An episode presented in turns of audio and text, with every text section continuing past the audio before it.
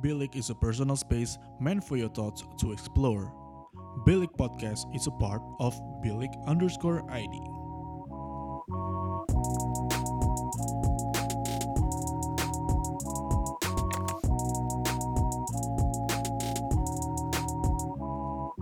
Bilik, your thoughts matter. Bilik Sebat, episode kesekian, episode kesekian, gaya banget. Padahal baru berapa episode juga ya. Gaya banget lu. Eh, ini kita hari ini nyobain sesuatu yang beda untuk podcastan ya karena gimana ya kuartal pertama di 2020 tuh bukan merupakan waktu yang menyenangkan sih buat sebagian besar orang termasuk gue termasuk lo nggak Iya parah banget sih. Kayak apa ya? Baru awal tahun aja kita udah ngalamin banyak banget makanya kayak tanda kutip musibah gak sih? bener makanya kayak banyak banget fenomena yang nggak enak gitu buat kita alamin kan let's say hari pertama nih hari pertama gue inget banget gue masuk kerja. Hari pertama di tahun 2020 tanggal 1 Januari banjir. Gila itu sampai sampai banyak banget tempat yang tutup. Kantor-kantor pada meliburkan karyawannya. Ya blessing in disguise buat kita para pekerja yang eh, mungkin butuh refreshing ya tapi kan tetap aja itu sebuah bencana gak sih? Benar. Hmm, itu banjir. Habis itu kemarin Gunung Merapi sempet erupsi di pertengahan Februari kalau nggak salah. Emang iya? Lah, lu nggak tahu baca berita makanya. Gimana sih lu? Iya maaf lah. Eh, terus ada Bukan anak-anak berita gue. Oke, sorry di sini gue yang anak media ya. Eh, anak psikologi Anak mungkin lambe turah gue. mungkin anak psikologi punya any news juga mungkin. eh kemarin sih gue dengar kabar katanya Bali sempet gempa. Itu Oh, beberapa iya. minggu yang lalu deh. Belum lama itu belum lama, belum lama. Belum lama sih benar-benar. Gue ingat tuh. Gue sampai ngechat temen gue yang di Bali kayak, "Woi, aman gak lu di sana?" gitu. Sampai Iya sama, gue juga langsung ngechat temen gue. Iya sampai yang sekarang nih yang menjadi isu global COVID-19, coronavirus, buset. Gara-gara COVID-19 kita, gua pertama kali bikin podcast itu via online, Bro. Iya, dan kalian harus tahu juga sih, ini tuh ribet banget gitu untuk bikin podcast online. Asli, asli ribet banget. Jadi gua ini sebelum kita podcastan nih, sebelum kita rekaman dari kemarin gua mau uh, Michi udah kayak ngotak-ngatik ini gimana nih kalau kita nggak bisa ketemu gitu kan. Karena emang harus social distancing juga kan. Iya benar. Jadi kayak hmm, kita nyoba-nyoba aplikasi, akhirnya kita menemukan suatu platform yang cukup friendly dengan sedikit latency, tapi tetap aja ya kita namanya juga rekaman online hasilnya tidak akan semaksimal kita tatap muka. Jadi gue minta maaf sebelumnya kalau misalnya hari ini ada penurunan kualitas dari podcast-podcast gue dibanding podcast yang sebelumnya. Tapi eh, semoga sih kita dapat tetap memberikan konten yang baik ya, bukan begitu? Ibu co-host Amin. Amin. Maaf ya teman-teman Oh. kalau tidak sesuai dengan ekspektasi. Walaupun sebenarnya topik hari topik yang kita angkat hari ini tuh lumayan menarik ya. Menarik, menarik banget. Jadi sebenarnya gue sangat sangat menyayangkan sih kita nggak bisa tatap muka. But anyway, hari ini kita mau bahas tentang nggak jauh-jauh dari COVID-19 sih kita mau bahas tentang self isolating, self quarantine, whatever you say, social distancing dan ya fenomena yang lagi happening lah karena dengan fenomena ini banyak aktivitas yang dalam tanda kutip terganggu atau orang tuh membutuhkan adaptasi untuk eh, menghadapi fenomena ini fenomena ini gitu loh. Bener, bener banget. Jadi kayak Parah sih. Mm, jadi lo sendiri eh, dari kapan nih eh, nggak ke mana-mana? eh dari kapan ya? Terakhir lu pergi dah. Dari Terakhir lu pergi buat nongkrong dalam tanda kutip. Kalau misalnya eh, social distancing atau work from home nggak mesti bener-bener plek di rumah kan. Kadang lu mesti pergi juga karena urusan sesuatu yang mungkin eh, kebutuhan atau mendadak. Tapi kapan lu terakhir pergi untuk non- nongkrong di luar? nongkrong sih kayaknya udah lama banget ya. Mm-mm. Tapi kalau ketemu teman untuk membahas sesuatu sih itu baru minggu lalu. Kan kita baru ketemu minggu lalu, Plek. Masa sih? Iya, Oh kalau gue karena mungkin gak ada ini kali ya, gak ada libur-liburnya kali ya. Maksudnya gue nggak merasakan yang Iya, namanya mungkin. work from home sih. Nanti kita bahas kenapa enggak. Jadi eh, pertama self isolating atau social distancing dulu. Jadi self isolating itu ya in, uh, secara garis besar ya lu mengisolasi diri atau dalam tanda kutip mengurung diri di rumah ya lu nggak ke mana-mana kalau misalnya bukan suatu kebutuhan atau suatu yang mendesak kayak lu nggak nggak dianjurkan untuk tidak ke mana-mana uh, bahkan Yap, lu kuliah aja sekarang online kerja online benar. computer mediated communication kalau di komunikasi mantap. Jadi tapi eh, ada beberapa pihak atau beberapa orang yang tidak dapat gitu loh tidak bisa melakukan ini. Jadi se- sebenarnya ini eh, suatu yang agak ironis sih. Jadi karena eh, sementara kita dianjurkan untuk eh, bergerak atau melakukan segala sesuatu di rumah tapi ada beberapa orang yang eh, secara sukarela gitu menantang gitu menantang untuk tetap Iya. nongkrong di luar. Sepertinya kita juga sempat menantang ya untuk beberapa fase-fase awal. Iya, sempet sih. Eh, tapi kayak karena pandemi ini sudah mulai eh, merasuki banyak men- mental banyak orang ya. Jadi ya kita mau nggak mau tetap mengikuti lah anjuran karena kita juga pengennya pandemi ini tetap apa selesai secara secepatnya kan. Iya, soalnya apa ya menderita banget gak sih kayak harus di rumah terus nggak boleh ke mana-mana apalagi untuk teman-teman yang ekstrovert sih itu gue nggak ngerti gimana mereka bisa bertahan berada di rumah Hmm. terus gitu soal ekstrovert temen gue kayak sharing gitu kayak dia selalu mengeluh di twitternya karena dia ingin melakukan ini itu yang berhubungan dengan eh, sosialisasi diri dengan orang lain. Jadi kayak gue melihat dia kayaknya menderita sekali sih memang. Tapi kalau misalnya gue ya gue karena kepentok kerjaan jadi gue nggak bisa self isolating kan. Tapi kalau misalnya gue pun self isolating gue banyak membayangkan banyak sekali hal yang bisa gue lakukan di rumah. Kalau lu gimana?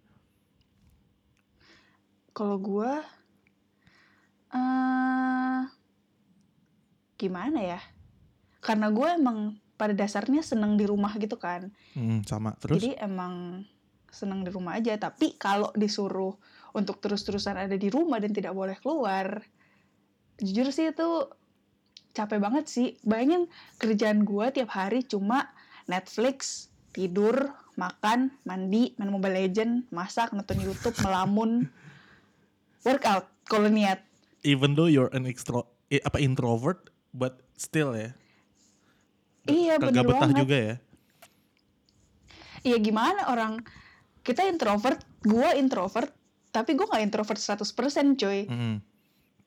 gue introvert sama extrovert tuh terakhir gue cek sih 70-30 jadi gue tetap punya sisi extrovert yang Hmm. butuh untuk ketemu orang gitu loh nggak bisa Hmm. selalu di rumah sendirian Ya, karena pada hakikatnya kita juga manusia yang butuh sosialisasi ya kan.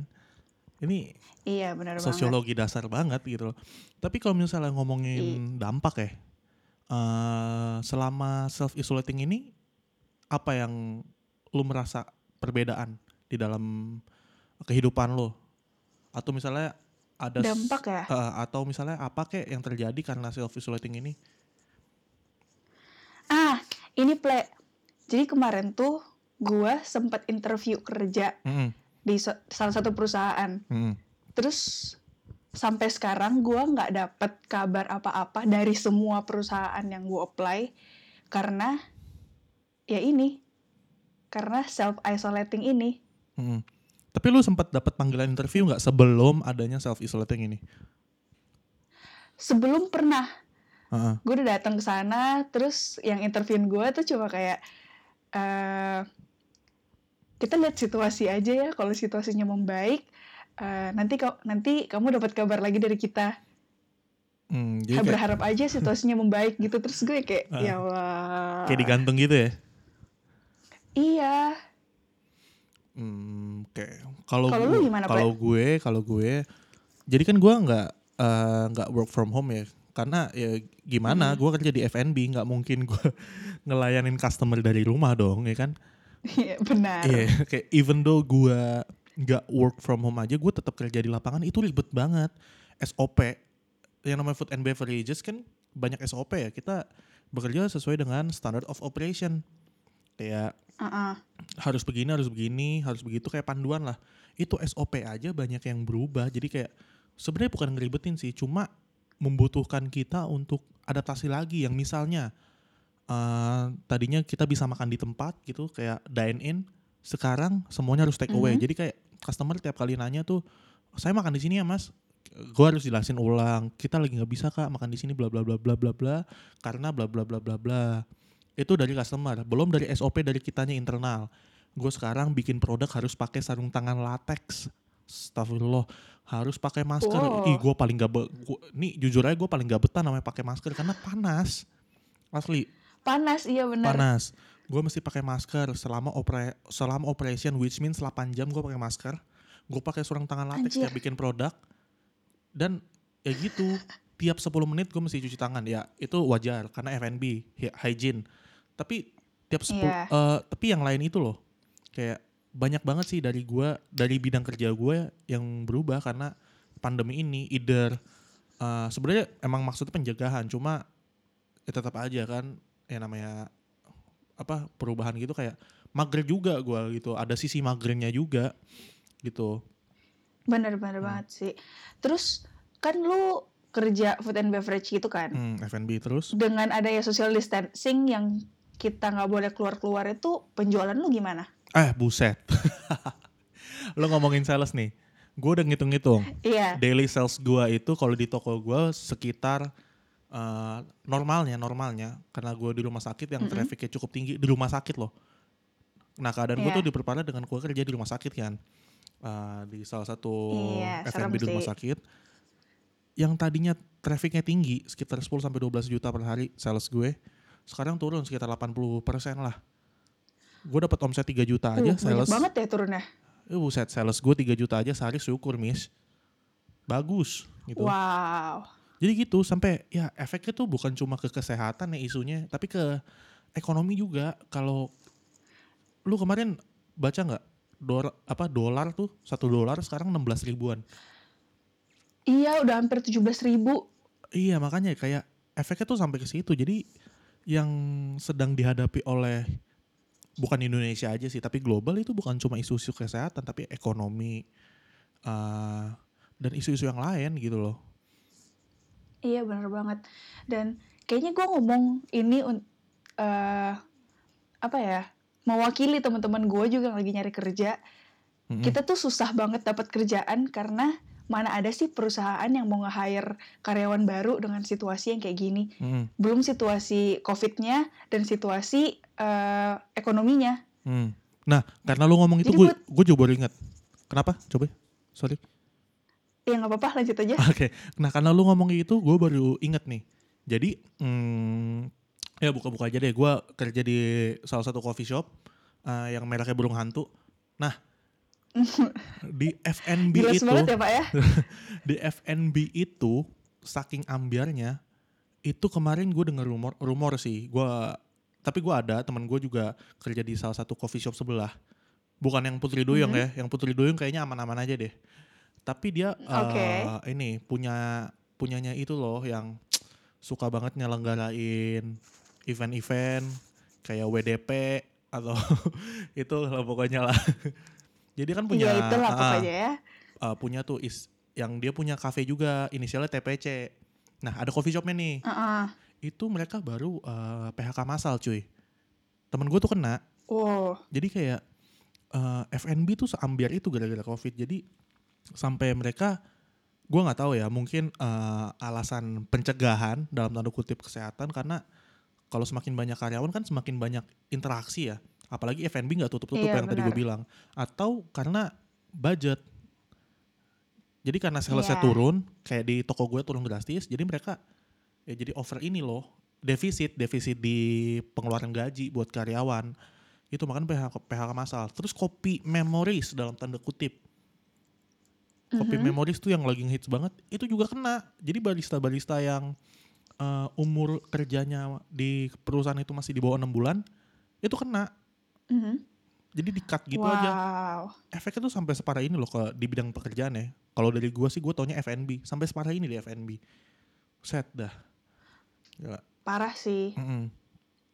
belum teman-teman kita yang ya gua akuin aja deh. Gua kan sambil kuliah juga. Jadi kayak susah sih sekarang kuliah online tuh. Tugas makin banyak. Karena nggak bisa tatap muka kan. Jadi kita dituntut untuk eh, tahu sendiri. Gimana caranya untuk kita di drive untuk tahu sendiri dikasih tugas banyak gue sih tangkapnya begitu kalau lu gimana Hmm, sama sih. sama gimana Kayak masalah, ma- maksudnya kayak masalah-masalah yang mungkin dihadapi sama orang-orang kayak gua Hmm. yang baru lulus masih pengangguran dan orang-orang yang udah kerja juga harusnya gak gitu beda gak sih? Kita yang belum kerja yang masih pengangguran, desperate untuk cari pekerjaan yang mungkin gak akan kita dapatkan dalam waktu dekat ini, tapi kita harus menghidupi diri kita sendiri, apalagi yang merantau. Terus orang-orang yang kerja juga mereka kesusahan di bidang semuanya, ya nggak sih? Mm-mm, bener Kemarin tuh gue sempet denger eh apa ya di perusahaan yang manggil gue interview itu banyak klien yang akhirnya mundur dari project bareng itu sama perusahaan Hmm. ini. mundur ya Jadi kayak harusnya mereka bisa dapat banyak terus akhirnya ke cut semua, mundur ya bukan postpone ya cancel gitu ya mundur, wah cancel. Sih. Makanya sih, jadi kayak ya gue berharap sih semoga pandemi cepat kelar, pemerintah cepat dapat solusi, kitanya juga jangan ngeyel-ngeyel lah kalau dibilangin. Apa susahnya sih lu? Iya. eh, coba deh, lu kalau misalnya di rumah, apa yang bisa lu lakukan? Gue yang mikirnya ya, kalau misalnya lu di rumah, gue kayak dua minggu ya gue di rumah gitu dokem. Gue bakal main lo sama adik-adik gue. Itu sih yang bisa gue pikirin. Quality time sama keluarga, itu yang jelas. Ya gak sih? Eh, gue tidak bisa mengiyakan dan tidak bisa mentidakkan sih perkataan lu. Soalnya itu buat lu yang eh, ibaratnya Hmm, tinggal sama masih keluarga. masih tinggal sama keluarga Iya. lu gitu. Sedangkan orang-orang yang merantau kayak gua, ya gue mau ngapain gitu di rumah. Kemarin gue baru ngobrol sama temen gua yang merantau, terus dia tinggal di apartemen studio. Hmm. Lu bayangin seberapa gabutnya dia gitu loh. Iya di apartemen ya. sendiri, nggak boleh keluar, apartemen studio. Hmm. Buset, iya sih gabut sih. Ya. Gitu sih. Tapi eh, kalau misalnya kita ngeliat sisi positifnya lagi ya, kalau misalnya kita self isolating ini sebenarnya eh, kesempatan yang cukup baik sih buat orang-orang yang punya hobi. Kayak misalnya lo bisa kalau misalnya hobi lo ngedit video ya lo ngedit video, hobi lo gambar komik ya lo gambar komik, hobi lo bikin eh, apa ya miniatur ya lo bikin miniatur. Sambil kerja mungkin di depan laptop lo. Tapi yang jadi permasalahan adalah orang-orang yang yang emang ekstrovertnya tuh gil- gila-gilaan. Kalau misalnya mereka nggak ketemu orang tuh mereka gila gitu loh ibaratnya Iya, bener banget. oh iya gue baru ingat gue punya Vox Pop nah Vox Pop ini gue kumpulin dari teman-teman gue yang sudah uh, beberapa waktu ini uh, self isolating yuk dengerin Halo, nama gue Rian. Biar nggak bosan selama self quarantine ini, gue nyibukin diri dengan ngerjain kerjaan kantor, tugas kuliah, dan gue juga download Bumble sih buat cari-cari teman chat. Heh. Halo, nama gue Wahyu Wicaksono. Selama karantina diri ini, hal apa aja sih yang gue lakuin biar nggak bosan-bosan amat? Biasanya sih gue di rumah ya cecetan sama gebetan gue. Terus gue lagi maraton serial movie juga sih. Gue lagi maraton malam minggu Mikonya Raditya Dika. Terus kebetulan akhir-akhir ini tuh gue lagi skripsian, lagi nyusun. Manfaatin waktu lu aja lah di rumah. Hai, nama gue Carol. Jadi supaya nggak bosen selama self quarantine ini, biasanya gue itu ngikutin homework out di YouTube. Kalau nggak, kadang juga baca novel atau main game. Tapi lebih banyak nonton Netflix di laptop sih. Halo, nama gue Evan. Biar nggak bosen selama self quarantine ini gue ngopi, minum jamu, kerja, bikin video, bikin foto, ya melakukan hobi, push rank pastinya, dan kelarin film-film yang belum ditonton.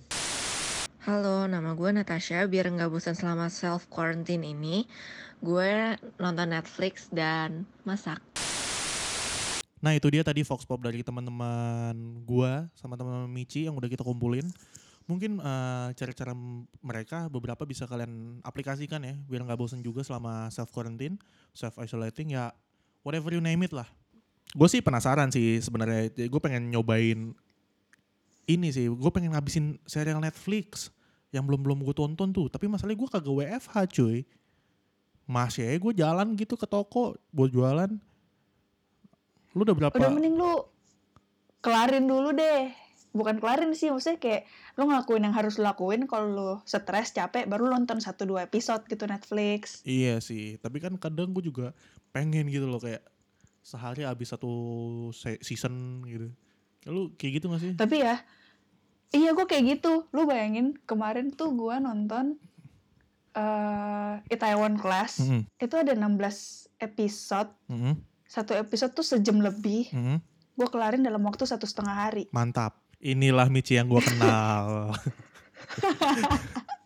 Jangan gitu dong. Kesannya kayak gue gak ngapa-ngapain banget gitu. Hmm. Kan jujur gitu, malu gue. Tapi nih, ngomong-ngomong kita balik ke COVID-19, COVID-19. Lu percaya nggak eh, sama yang namanya blessing in disguise? Hah? Gimana? Coba jelasin. Blessing in disguise. Jadi di dalam suatu musibah itu sebenarnya ada hikmahnya yang kita bisa petik. Lu percaya nggak sama hal itu? Percaya sih. Nah, jadi menurut gua nih COVID-19 juga ada uh, blessing in disguise juga, juga ada dampak positif.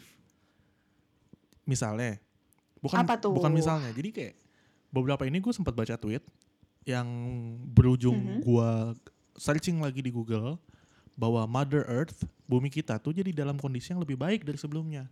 Karena orang-orang pada di rumah, orang-orang pada nggak merusak lah ibaratnya, pada nggak berlaku berlaku tidak seperti biasanya jadi bumi juga jadi lebih baik nih misalnya ribet ya gue ngomongnya ya.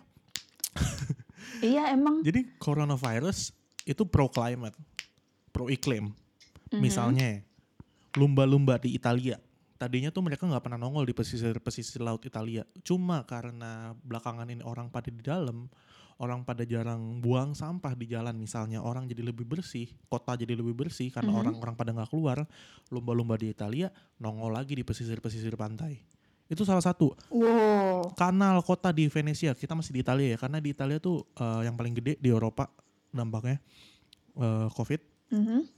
kanal kota di Venesia. Lu tahu kan kalau di Italia tuh kalau di Venice uh, transportasinya pakai transportasi air.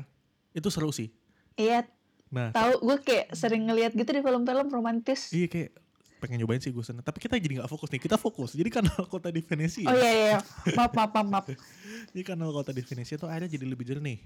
Lu ibaratin dari Ciliwung, dari Ciliwung nih, terus jadi Mhm. kayak uh, mata air Gunung Salak. Uh, mantep tuh bisa lu minum. Aja.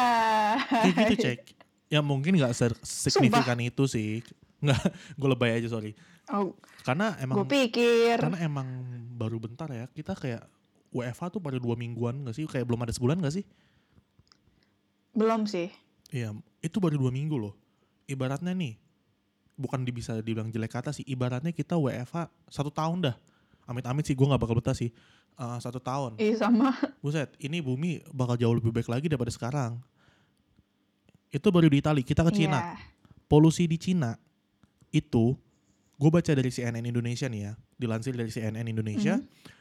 Eh, saking buruknya udara di kota Cina eh, di kota Cina di negara Cina itu sekitar 1,15 juta orang sampai 1,24 juta orang meninggal setiap tahunnya gara-gara polusi Wow. gitu tapi emang Cina orangnya banyak banget sih jadi ya gitulah Iya benar sih. Salah satu negara terbanyak kan orangnya. bukan salah Apa satu paling nomor satu banyak ya? paling banyak nomor dua Iya. tuh diikuti sama India nah nah polusi di Cina tuh berkurang drastis karena orangnya pada di rumah. Jadi kak pada kagak uh, bikin polusi gitu loh.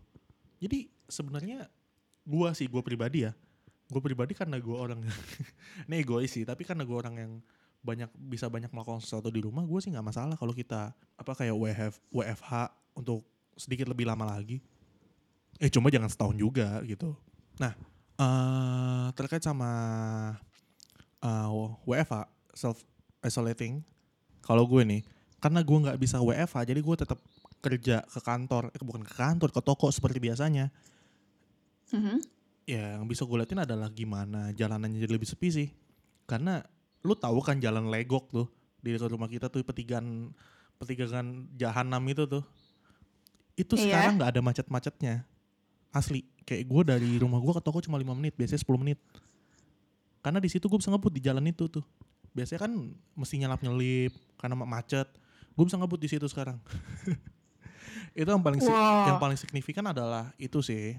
Nah, gimana jalanan jadi lebih sepi dan gue nggak tahu ya orang lain yang eh mesti tetap kerja keluar kayak gue itu menyadari apa enggak tapi gue menyadari karena bahwa benar udara jadi lebih jadi lebih bersih gitu jadi lebih segar Heeh. iya gitu gue ngerasain bedanya udara jadi lebih lebih enak sih sekarang sih benar jadi gue ah, Kayak zaman dulu berarti ya. nggak nggak se- seger zaman dulu juga jadi gue ya gue percaya sih kalau misalnya polusi di Cina berkurang drastis karena gue di sini yang di Indonesia juga merasakan seperti itu dan Hmm.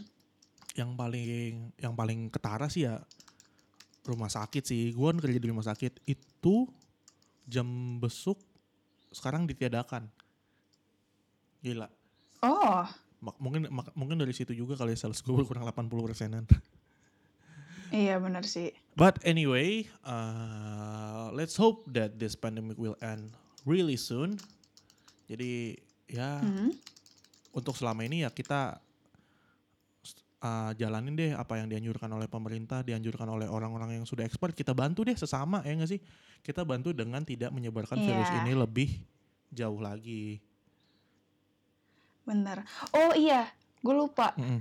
Jadi eh selama self quarantine ini, jadi gue tuh punya grup Mm-mm. eh, teman-teman SMA gitu kan yang Hmm. benar-benar klop banget gitu. Kita Hmm. nggak pernah terpisah dan terpisah gara-gara kuliah.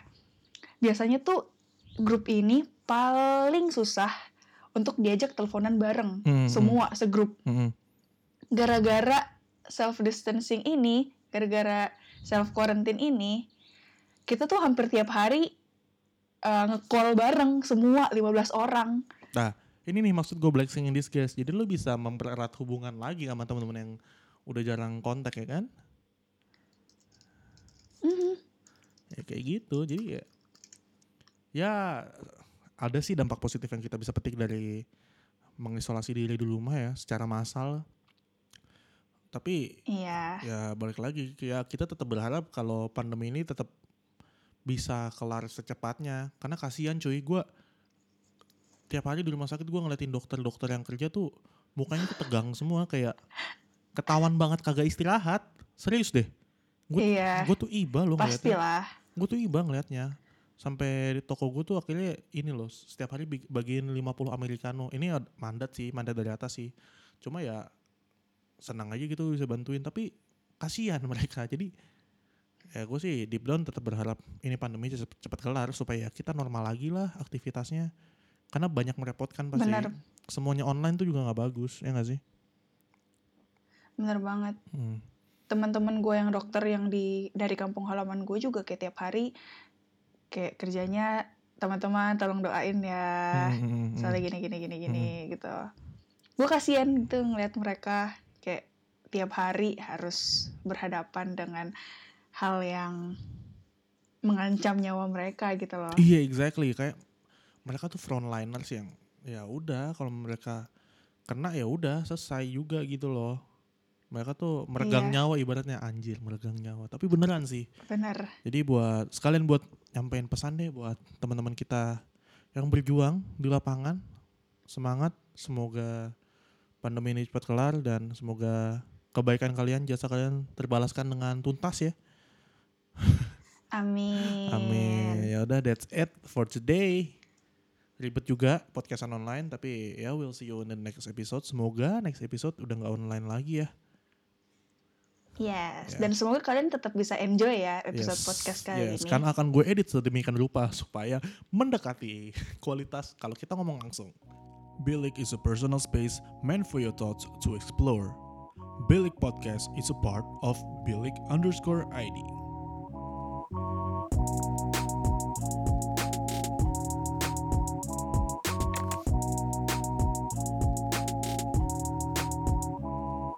Bilik, your thoughts matter.